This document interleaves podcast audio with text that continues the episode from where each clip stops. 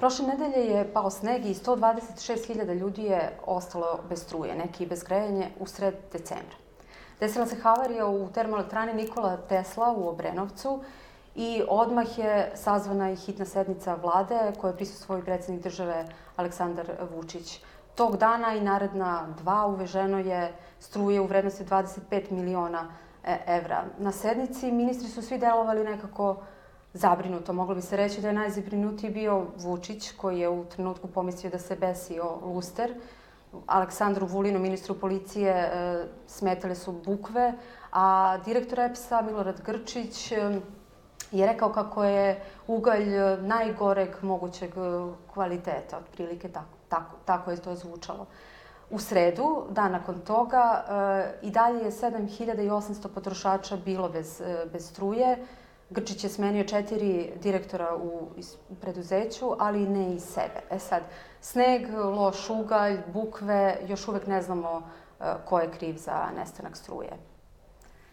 Uh, sa mnom su danas uh, Gojko Vlaović, moj kolega i novinar ekonomske rubrike Danasa, i Vojislav Vuletić, on je predsednik Skupštine udruženja za gas i doktor nauka. Ja sam Ljiljana Bukvić, vi slušate i gledate podcast danas sa predposlednji u ovoj godini. E, tema nije vesela, iako približi nam se nova godina, pa mogli smo da nađemo nešto veselije, ali eto, zadesilo nas to da smo, to jest, ajde, ja, ja sam imala tu sreću da ne, ne ostanem bez struje, ali Obrenovčani, a i, boga mi, dosta, dosta dobar deo ljudi je ostao. Kako, šta se desilo? Ajde krenemo od toga da ne pričamo sad odmah ko je kriv, nego šta se, šta se to desilo. Mislim, snegova je bilo i ranije, ali nismo imali ovakve havarije.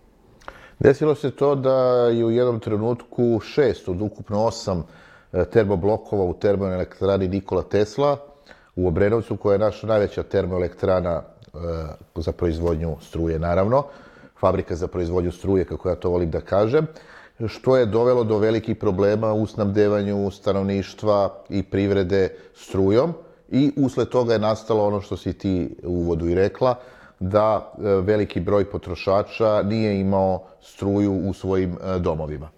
E, posle toga javila su se prva zvanična objašnjenja iz elektroprivrede Srbije o tome da nije bilo dovoljno struje zbog toga što je pao veliki sneg, pa je opteretio prenosnu mrežu i da je to uzrokovalo da ne bude dovoljno struje i da pojedini građani ostanu bez nje.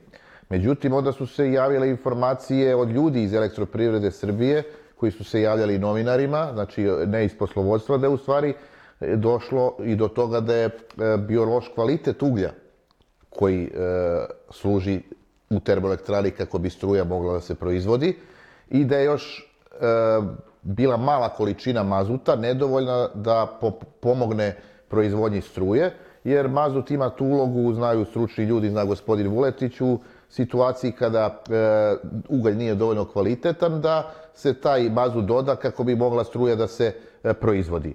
E, u elektroprivredi Srbije ljudi koji su bili zaduženi za taj segment, e, rukovodioci određeni, e, i sam menadžment e, vrhovni u preduzeću nisu obezbedili dovoljne količine mazuta i jednostavno i to popravljanje uglja nekvalitetno koji su imali nije moglo da odigra određenu ulogu i jednostavno došlo je do toga da izgleda nije bilo ni dovoljno uglja ni mazuta za proizvodnju e, e, struje i onda je šest e, e, termoblokova jednostavno prestalo da radi, a to je veliki udar za naš elektroenergetski sistem i posle svi znamo šta se desilo i kako se to u narednim danima rešavalo. Jedan od načina je bio interventni uvoz struje, a vi kada uvozite struju e, preko zime, ona je u inostranstvu i skuplja, e, neki kažu što nismo pokrili troškove iz vetroparkova i hidropotencijala, oni su radili punim kapacitetom, ali to su dopunski e, kapaciteti, najveći najveći količinu struje, izvinjavam se, u Srbiji mi dobijamo upravo iz termoelektrana i jednostavno ako one zakažu, to je veliki problem za nas, kao što se i videlo. A, gospodin Vuletiću, a kako, taj najgori mogući kvalitet uglja. Kako nam se to, da, kako je vaše neko sad objašnjenje i kako ste vi doživjeli u situaciju? vi dugo ste i pratite u toj oblasti. Evo, ja, ja se ne sjećam da je ovako u ostalom sazvana je ta hitna sednica, znači to je stvarno veliki, da kažemo, kolaps ili havarija, kako god da nazovemo. Pa jeste veliki kolaps i velika havarija, ali termoblokovi u Obranovcu već 50 godina rade. 50 godina je bila zima, 50 godina je bio sneg i to se nikad nije desilo. Bez obzira da li je kvalitet uglja nešto malo pao ispod onoga koji je potreban za rad tih termoblokova i kotlovske postrojenja, ona su tako projektovana da dodatno loženje mazutom popravlja sve eventualne greške, odnosno nekvalitetan ugalj koji dođe na deponiju. Ja pretpostavljam da oni nisu imali dovoljne količine mazuta u rezervarima, jer su svih šest blokova stali. To je prosto neverovatno, to je cela termoelektrana stala. Da se to desi na jednom bloku, to je moguće. Ali da stanu svi, znate kako, termoelektrana Obranovac godišnje potroši 25 miliona tona uglja. To su ogromne količine. U tim ogromnim količinama dešava se da i nešto malo jalovine dođe. Ali zato postoji mazutno postrojenje koje jednostavno popravi tu, tako da kažem, nije to nikakva greška, nego to je jednostavno tako, onaj novokopač koji radi, on ogromne količine izdvaja i dovodi do e, deponije uglja u termoelektrani i to je normalno da se desi da bude malo loših, ali mazut to sve popravi. Prema tome, mislim, mislim lično da nisu imali dovoljne količine mazuta kako bi mogli da pokriju svu tu loš, taj loš kvalitet uglja koji je bio. Mislim da je to glavni uzrok. Ja mislim da je to da, bio da, glavni da, uzrok, jer priča da je kao sad naišlo jalovina nekada, to se sve dešavalo i u ovih 50 godina koliko termoelektrana Obrenovac radi. Uh mhm. -huh. A to koliko mi sad uvozimo struje, e, koliko se ranije, Gojko, ne znam sad da li ti barataš tim ciframa, koliko se Koliko sad to velika količina, sad ne znam koliko ljudi sad e, znaju, sad 25 miliona evra, to smo rekli za neko, to je sad za nedelju dana verovatno naraslo mnogo više. I da, koliko će pa, to znači, tako da funkcioniše? Termoelektrana Nikola Tesla ima osam blokova, šest blokova nisu radili, to, su, to je veliki, velika količina struje, jednostavno mi tu količinu struje nikada ne uvozimo, čak i zimi, iz prostog razloga što imamo E, svoju proizvodnju struje iz termoelektrana, imamo proizvodnju struje iz hidroelektrana, sad imamo i te druge obnovljive izvore energije i jednostavno za, tak, za takvim stvarima nema potrebe. Ponekad se desi kada je baš velika hladnoća, kada je velika potrošnja struje, da se uvezu određene količine uglja iz Rumunije ili iz Bosne i Hercegovine, ali to je zaista redko. Slažem se u potpunosti sa gospodinom Vuletićem, mislim da i ja da je glavni problem bio mazut, a verovatno nije bilo ni dovoljnih količina E, uglja e, u tom trenutku u termoelektrani, jer jednostavno kako sam ja razumeo e, stvari, na osnovu onoga što su rekli ljudi iz elektroprivrede Srbije, ti odgovorni iz menadžmenta, oni nisu očekivali tako jaku zimu, nisu očekivali da odmah padne tako veliki sneg, međutim, trebalo o tome razmišljati iz prostog razloga što je, zna se, svaki put kada sneg padne, može da izazove određene posledice. Tako da jednostavno smo došli u situaciju da je elektroprivreda Srbije, odnosno njena rukovodstvo u početku pokušalo da prikrije taj problem nekom pričom o tome da e, nam sistem elektroenergetski nije radio zbog velikog snega koji je oštetio e, distributivnu mrežu. Treba biti pošteni reći, bilo je i toga, ali to je ipak manji segment ovog problema. Da, bilo je toga sigurno i ranije, ali ne u, u ovakvoj meri da se napravi baš da dođe do ovoga. A e, ti si koliko pisao tekst, a tu, tu će gospodin Vuletić isto biti odličan sagovornik oko gasa. Šta se dešava i sa tim gasom? I na toj vanrednoj sednici mogli smo eto svašta da čujemo. Znači nije sad problem bio samo očigledno ni loš, o, ovo je havarija samo po sebi ono, ogromno. Ali taj, taj problem sa gasom, ne, nismo ni njega imali dovoljno, njega smo morali da uvozimo. A i to je poprilično skupo. Evo, ti si napisao u tekstu, pa sad ono, citiram otprilike, da smo saznali da mi trošimo dnevno između 12 i 16 miliona kubnih metara gasa i da zbog tog ugovora sa Gazpromom ti će nam objasniti šta je to koliko mi plaćamo, da mi sad trošimo gotovo 5 miliona evra dnevno na, na, na gas. Mi smo imali e, dugoročni e, zaključen ugovor sa Gazpromom o uvozu gasa iz e, Ruske federacije, odnosno od tog preduzeća, te kompanije u stvari i taj ugovor je istekao 1. januara, taj ugovor, izvinjam se, ističe 1. januara uh, sledeće godine. Međutim, umeđu vremenu delegacija naša išla u uh, Rusku federaciju, odnosno u Soči, gde su razgovarali predsednik Srbije Aleksandar Vučić i predsednik Ruske federacije Vladimir Putin i tada je sklopljen dogovor da mi imamo novi ugovor od šest meseci, koji je u suštini ugovor stari Stari ugovor će važiti u narednih šest meseci, po toj ceni ćemo mi i dalje plaćati gas koji nabavljamo iz Rusije, a to je 250 dolara za 1000 kubnih metara gasa. To je cena koju smo imali ranije. Imaćemo i narednih šest meseci. Posle toga ćemo morati da pre pregovaramo. I tu nije ništa sporno. To što je ispregovarano, mi te količine gasa i po toj ceni iz Rusije i dobijamo. Međutim, u posljednjih nekoliko meseci, kako tvrdi predsednik Vučić u svom obraćanju generalnom direktoru e, javnog preduzeća Srbija Gaz Dušanu Bajatoviću, e, povećana je potrošnja gasa u Srbiji. E, I mi te e, nedostajuće količine, što je nekih 6 miliona kubnih metara gasa, nabavljamo na slobodnom tržištu, znači na berzama. Jednostavno, Rusi nam te e, e, količine gasa ne isporučuju jer ne obuhvataju ono što smo mi sa njima dogovorili, nego mi to moramo da kupujemo na berzi. E, predsjednik Vučić je rekao kako je ispregovarao sa ruskom stranom da se povećaju količine gasa koje mi dobijamo e, iz Rusije. Naše potrebe za njim su 2,4 milijarde kubnih metara e, gasa, a predsjednik Vučić je tražio da to u buduće, kad se napravi ugovor, bude 3 milijarde. Taj ugovor do sada još uvek nije sačinjen i e, u slučaju da se taj ugovor sačini, da to tako bude, mi ovih problema ne bi imali.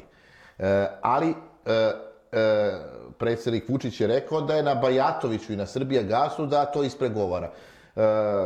Ceneći odnose Srbija gasa i Gazproma, misli da će taj ugovor ipak biti postignut i da će o, Srbija gas nabavljati e, i ostatak i dopunske količine gasa koje su potrebne našim potrošačima ili koje naša zemlja tražila po isto toj cijeni od 250 e, dolara na 1000 kubnih metara, koja je jedna od najpovoljnijih cena u, u, u Evropi, može se e, reći. E sada, šta se sada desilo, zbog čega sada nije napravljena dobra procena, da li je više iz podzemnog skladišta Banatski dvor trošeno, pa ili jednostavno došlo do veće potroš, potrošnje gasa, a mi jednostavno nemamo te količine e, ovaj, po ugovoru sa Rusima na dnevnom nivou, to će već bolje znati da objasni gospodin da, Vuletić, koji je ekspert u, da, to, u, u tom to, segmentu. Da, to, pustimo eksperta malo da kaže šta vi, šta ja mislim da mi ni jedan kubni metar gasa po nekoj višoj ceni nismo kupili da nema potrebe za tim. Zašto nema potrebe? Zato što imamo podzemno skladište Banatski dvor koje je letos napunjeno. Prema tome, što bismo kupovali kada naš gas koji smo već kupili, koji smo već platili, koji smo sa, u podzemno skladište stavili, iz njega možemo da izvučemo koliko god nam treba. 12 miliona 12 miliona ovaj, kubnih metara gasa koji se troše u jednom danu su količine koje se troše već godinama i nikada nisu pravljene nikakav problem. Ja mislim da je to predsednik možda više hipotetički rekao. Čak je rekao jednu stvar koja mislim da nije bila apsolutno ispravna. Ako stane toplana u Novom Sadu koja koristi gas, mi ćemo morati da uvezemo nove količine gasa. Zašto? Ako nešto stane, onda to neće da troši gas. Mi ćemo imati više u sistemu. Tako da mislim da je to bio nekakav lapsus ili neko koga, koga je savjetao da mu na neki način možda porek, po, pogrešno rekao ili on možda pomešao sa nekom drugom stvari. Dakle, nema nikakvih potreba da uvozimo gas ne po bilo kojim cenama, nego zato što ga imamo u sasvim dovoljnim količinama za naše potrebe. Znači, ne, ne treba samo, tih 6 miliona, ma, ni, ne, nemamo potrebe za tim. Sigurno ne. Ne samo sada kada je temperatura oko nula. Mi imamo gas i kada bude bila temperatura minus 15, minus 20, kada toplane budu intenzivnije radile i kada budu trošili još više. Prema tome što se gasa tiče, treba biti miran, sve je u redu i sve dobro ide. A u čemu onda misli takve, ajde kažemo, tenzije, oko, sad i oko gasa, na suovu struju, sad i oko gasa. Ja ne vidim Koji da, je razlog? Mislim, ja ne vidim da postoji oko gasa ikakva tenzija, jer ga ima u dovoljnim količinama, nabavljeno po kvalitetnoj ceni, kvalitetna cena ne može da bude, nego mislim po potpuno prihvatljivim cenama od 270 dolara za 1000 kubika, to je cena koja je stvarno dobra u odnosu na ovu trenutnu tržišnu cenu koja je prešla preko 1200-300 dolara za 1000 kubika. Dakle, nema sa prirodnim gasom nikakve probleme u Republici Srbiji. Dobro, znači Ja bih se samo nadovezao na ovo što je rekao gospodin Vuletić. E, mi zaista imamo povoljnu cenu e, gasa u e, Srbiji koju dobijamo od Rusa. Istina, postoje neke zemlje koji imaju bolju cenu, ali to je sad druga stvar.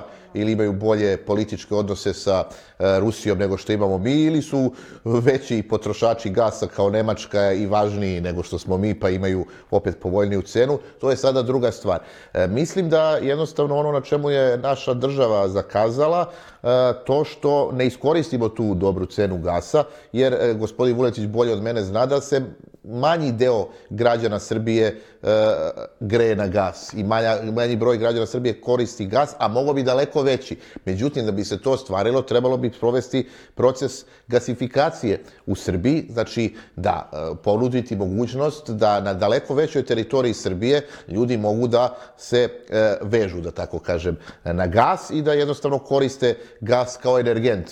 E, to bi za Srbiju bilo izuzetno dobro, jer svi ovi ljudi što se e, greju na individualna ložišta, znači što koriste prevaziđene, zastarele e, metode e, grejanja svojih e, domova koji mnogo zagađuju, znači na smederevac, ugalj i slično, oni bi jednostavno svi prešli, evo recimo, na gas. Ili ako bi se proširio sistem toplana u Srbiji, na većoj teritoriji, prešli bi opet na grejanje iz toplana koje opet e, rade između ostalog na gas. Mislim da bi jednostavno država sistematski trebala da radi na tome, ok, imamo najbolju ili jednu od najboljih cena gasa u, u regionu i u Evropi, je to da iskoristimo, da gasifikujemo što veću e, teritoriju Srbije, i jednostavno ne bi imali problema ni za struju, jer e, e, e, meni je često u razgovorima sa gospodinom Vuletićem, on je moj često sagovornik meni za tekstove koje pišem i objasnio mi u više u navrata da mi možemo da izgradimo glas, gasne elektrane u Srbiji, i iz tih gasnih elektrana da dobijamo struju, jer su to e, e, e, takozvane termoelektrane toplate, toplane koje bi mogle da proizvode i toplotnu energiju, koje bi mogle da proizvode i struju, a one prvenstveno rade na gas i zato recimo u Evropi svojevremeno kada je pre izvestog vremena bila kriza sa strujom, e, one nisu radile te topla, e, toplane koje rade na gas, pa su one zato i, i želele veće količine gasa iz Rusije. E, mislim, Uletiću, kako dobar đak, kako sve slušava sve što... Mislim, što mislim da ovo što je rekao za gasifikaciju široke potrošnje je nešto što je veoma važno. Ja ću malo da se vratim unazad pa da vam kažem da u SFR Jugoslaviji planirano bilo da se ovaj naš istočni deo bazira na uglju, jer smo imali velike basene, Kolubaru, Kostolac, Kosmet dole, a ovaj zapadni deo, mislim na Hrvatsku i Sloveniju, imali su gas i onda su mogli da se gasificiraju. Mi smo krenuli sa gasifikacijom široke potrošnje veoma kasno. I zato je to kod nas još na neki način početak.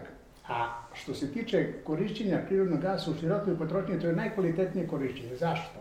Zato što mi kao država smo energetski siromašna zemlja. Mi nemamo ni nafte dovoljno, ni gasa dovoljno, čak ni kvalitetnog uglja za široku industrijsku potrošnju.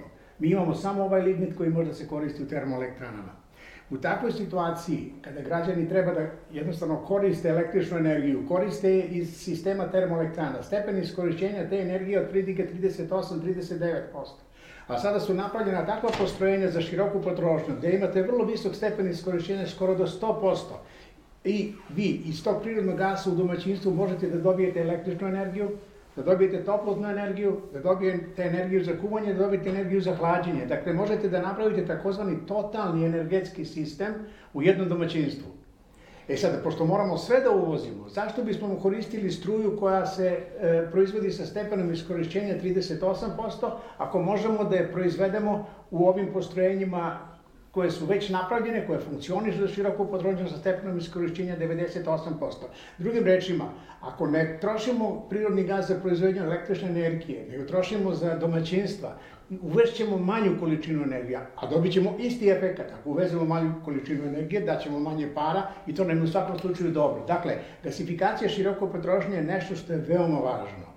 19. vek je bio vek uglja, 20. vek je vek e, nafte bio, a 21. vek je proglašen vekom prirodnog gasa. Daj Bože, 22. nećemo da doživimo, to će biti vek, vek vodonika. Dakle, sve to na neki način prati.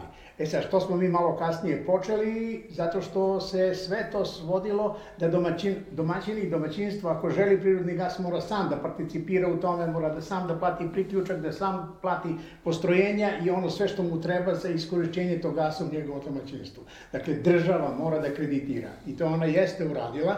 Sada postoji mogućnost da se na 36 rata priključak plati i mislim da je to dobra akcija i da će ona u neku ruku da učini dobro za energetiku i široke potrošnje i države Srbije. O, ali opet ide sporo. Ja, ja sam iz Vojvodine, mi smo još 80-ih u kući sve na gas, navikli smo na gas. Pa mi zato mi je čudno. Bio? Jeste, jeste. A zato mi je čudno sad, to je sad prošlo već 30 i kusur godina od, od toga da je tu kao u Vojvodini urađena u Srbiji sad još uvek do Znate kako, Beograda. međunarodna zajednica i naši prijatelji sa zapada su to učinili. Ja ću da vam kažem jedan podatak. 1989. godine Republika Srbija trošila je 3 milijarde kubni metara gasa godišnje. Tada su sve toplane išle na mazut. Ovog trenutka sve toplane idu na gas. I Srbija troši 2,2 milijarde kubnih metara gasa. Dakle, naša industrija je devastirana. Mi nemamo potrošnju onakvu kakva je bila pre 30-40 godina.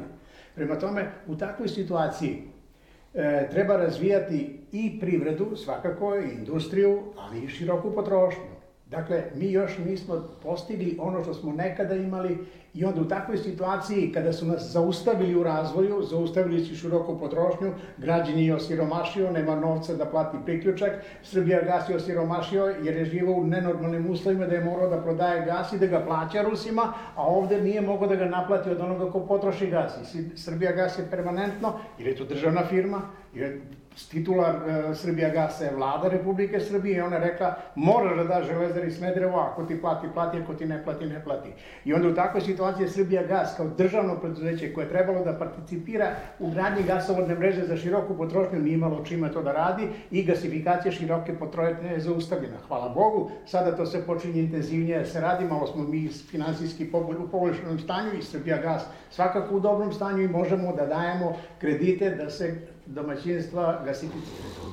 E, pošto nemamo mnogo vremena, nažalost, ova tema može da se priča o njoj dugo. E, htela sam da, da se vratim za, za kraj na o, o, ovaj problem koji smo imali ove nedelje. E, zima, ajde da kažem, tek počela. Šta, šta, šta može da se očekuje I na kraju da pričamo i o toj odgovornosti. Evo, e, u petak je Ana Brnabić izašla premijerka sa nekom pričom da bi to moglo da se radi čak i o nekoj sabotaži. Znači, tu se, pravi se, meni se bar tako čini, kao neki otklon da se manje više poštede svi neke, ko bi trebao neke odgovornosti. Da li će neko odgovarati i šta, šta građani još se dočekuju, ovi koji su po 3-4 dana sad bili bez struje, šta u januaru, februaru, pašće sigurno još nekog snega, bit će Koliko može da se oporavi? Bit, pa to, Kad i bilo je, ali... veća količina gasa, veća količina električne energije. Pa... Ne, da li su to neke sabotaže ili nisu, ja ne bih ulazio u te stvari, to da, mogu da budu da. bilo kakve priče, ali to ne sme da se desi. I to nije moglo da se desi u zadnjih 50 godina kada se proizvodila struje iz istog ovog uglja koji je i sada. I istog snega koji je padao i koji je kvario kvalitet uglja. I delimično, neki put je bage rotacioni zahvatio i jalovinu, pa i jalovina otišla u voz koji je dopremio ugalj u termoelektranu. Prema tome, ja mislim da e, e, je ovde apsolutno ljudski faktor zakazao, kako to vole da kažu, i da je to razlog što se ovo desilo. To nema veze sa ugljem, nema veze sa snegom, nema veze sa suncem, nego sa ljudima koji su bili zaduženi ili da nabave mazut, ili da vode postrojenje kako treba, a to su ljudi koji rade godinama tamo i znaju sve to da rade. Međutim, pitanje je onaj ko je zadužen za određeni posao, da li je partijska odgovornost ili je to neka odgovornost inženjerska, to treba da oni koji postavljaju ljude razmišljaju o tome i da li je to za nas dobro da imamo takve rukovodioce kakve imamo. Da, ja, ja verujem da u nekoj razvijenijoj državi pala vlada, ali dobro, to kod nas se ne dešava, čak se ni ovo. Niko ne može da se, da, da ponudi ostavku čak. Ja očekujem ti Gojko da će biti neko, neko, ne kažem sad ova četiri direktora su smenjene, ali to nije, mislim, zna ko bi trebalo da podnosi ovo. Čuo sam i ja izjavu e, premijerke i mogu da kažem, ja sam lajk, ali po prirodi posla koji obavljao malo više sam ulazio u termoelektrane ovaj, nego premijerka i toliko znam da je nemoguće ovaj, napraviti sabotažu tako što će neko da isključi jedno dugme i šest termoblokova neće raditi. Tako da jednostavno ta priča o sabotaži je neozbiljna za raspravu. Jednostavno, e, sabotaže se ne rade na takav način, niti se ovaj, rade tako kako premijerka misli. E, očigledno je da je ovde došlo do problema sa lošim planiranjem. E, neko u elektroprivredi Srbije, a to je prvenstveno generalni direktor e, Grčić, je loše shvatio kako elektroprivredni sistem treba da funkcioniše, kako da treba da funkcioniše EPS. On smatra očito da EPS treba da zarađuje dosta para, kako bi on mogao da prikaže da EPS ima dosta para, kako ima što manje troškova, kako ima što manje krađa, pa postoji unutrašnja služba na kontrola, kako se zove u elektroprivredi Srbije, koja se bavi sprečavanjem e, krađa. Znači, što manje troškova, što više zarade, očito je neko pomislio da je nepotrebno da su veće količine mazuta dostupne i desilo se ovo što se desilo. E, drugi razlog zbog čega se ovo desilo su stalne tenzije koje postoje, a to svi znaju u energetskom sektoru, i to je apsolutno neprihvatljivo, između Ministarstva rudarstva i energetike s jedne strane, odnosno ministarke Zorane Mihajlović i e, pojedinih e, direktora preduzeća u energetskom sektoru. Ona njih stalno kritikuje, to su uglavnom neke paušalne kritike, to više liči na marketinški potez reklamiranja resora koji predstavlja ministarka Mihajlović, nego na neki ozbiljan rad sa svojim saradnicima, jer direktori javnih preduzeća u energetskom sektoru bi trebalo da budu njeni saradnici. Znači, mora da se postigne konsenzus između njih. E, ako nema to konsenzusa, evo šta se dešava. Desi se to što se desilo i jednostavno Srbija nema struje. Ministarka je e, svojevremeno pokrenula pitanje da li je ovaj remont bloka e, u termoelektrani Nikola Tesla urađen na vreme ili nije. Da li je kasnio taj remont ili nije kasnio taj remont. Ona je izašla sa tezom da je remont kasnio i da smo mi zbog toga uvozili struju. Posle toga su ljudi iz elektroprivrede Srbije rekli ne, nije tačno, remont se radi tačno toliko koliko, su ga mi, koliko smo ga mi radili. Znači, mi sada imamo situaciju da elektroprivreda Srbije kaže jedno, da ministarka kaže drugo. U konkretnom slučaju, ako neko treba da snosi odgovornost, treba da snosi odgovornost koji su oni koji su, e, kako da kažem, najodgovorniji za rukovodđenje e, sektor, energetskim sektorom u Srbiji. A to su ministarka Zorana Mihajlović i direktor elektroprivrede Srbije e, Milorad Grčić. To što će nekoliko direktora uh, u elektroprivredi Srbije da bude smenjeno, neće popraviti tu situaciju.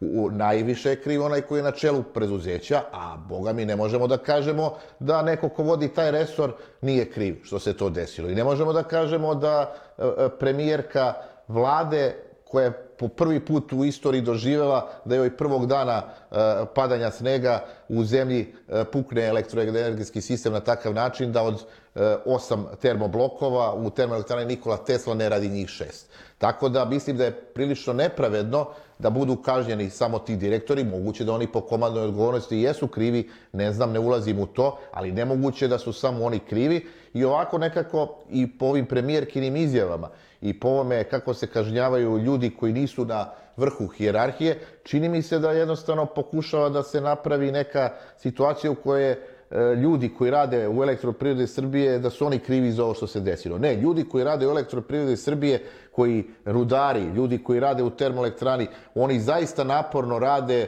i trude se da održe elektroenergetski sistem na nivou kako bismo mi imali svi struje. I lično mislim da se oni nisu toliko zalagali da bi još bilo i gore nego što je bilo. Znači, ne možemo da kažemo da su profesionalci u elektroprivredi Srbije, da, da skratim, krivi, Slažem se sa gospodinom Vuletićem, treba u potpunosti, kada u pitanju energetski, a i svaki drugi sektor privredni, napustiti politiku da partijski kadrovi vode preduzeće i da treba profesionalcima prepustiti da vode preduzeće da bi situacija bila sasvim drugačija. Jer ja ne mogu da dođem kao novinar da budem direktor elektroprivrede Srbije i da se očekuje da ću povlačiti poteze kakve treba. To zaista treba neko da bude iz samog preduzeća ili treba da bude neko iz energetskog sektora ili neko ko se školovo za to, a ne osoba koja je u određenoj partiji pa nema nikog iz te firme pa da postavimo nekoga ko, eto, mislimo da može da se time bavi. Nažalost, onda se dešavaju ovakve stvari. Da, to se U Japanu kad voz kasni, ministar daje ostavku. Evo sad skoro u Evropi su dva, tri ministra dala ostavku zbog toga što njihovi resori nisu neke stvari uradili. Tako da je to velika šteta što mi jednostavno odgovornost smatramo kao nešto za drugoga, za nas nije. E, možda bi trebalo nešto reći i o obnovljivim izvorima energije. Da li oni u ovakvim situacijama su u stanju da pomognu? Da, to je Gojko pomenuo, da, koliko je, pominjali su ih i oni, ali koliko su u stanju da A Znate jesu. kako, prvo, prvo mi imamo vrlo malo obnovljivih onih pravih izvora energije, mislim na vetrogeneratore, na solarne generatore, ne mislim na hidroelektrane, jer neko je u Evropi rekao da hidroelektrane nisu obnovljivi izvor, izvori energije, što mi uopšte nije jasno, ali dobro, sve jedno, oni imaju pravo da kažu šta hoće. Mi te obnovljive izvore energije imamo u vrlo maloj količini i ako ne znate ovog trenutka, e, ako ima vetra, ima i energije, ako nema vetra, nema energije. Pre nekoliko dana je bio veliki zastoj, ja sam skoro išao u Belu crkvu poslom nekim i video sam otprilike do 30 vetrogeneratora kako stoje i kako se ne okreću. Znači to ako ima struje, ako ima vetra, bit će struje, ako ima sunca, bit će struje, ne može da se osloni bazna elektroenergetska potrošnja na vetrogeneratore, ona mora da se osloni ili na nuklearne elektrane ili na termoelektrane. One su sigurne. Čak i hidroelektrane nisu potpuno pouzdane, jer kada nema vode, nema ni struje. Kad ima vode, ima struja. Jednostavno, termoelektrane koje su na ugalj, na gas, na mazut ili nuklearne elektrane su u stanju da pokrivaju svu onu potrebnu energiju koja se traži od njih. Ništa, hvala vam. Dotakli smo se malo teme, nismo, delimično smo odgovorili na neka pitanja. To su u stvari vaše, vaše moje mišljenje. Sad, da li će se na kraju utvrditi ko je odgovoran za sve ovo i ja se samo nadam da građani Srbije će svi imati struju tokom cele zime i grejanje, da neće biti hladnih radijatora. Eto, to je jedino što možemo mi da, da poručimo. Ništa, hvala vam, hvala vam što ste nas gledali. Gledajte sledeće nedelje mog kolegu Vojislava Stojisavljevića. Vidimo se.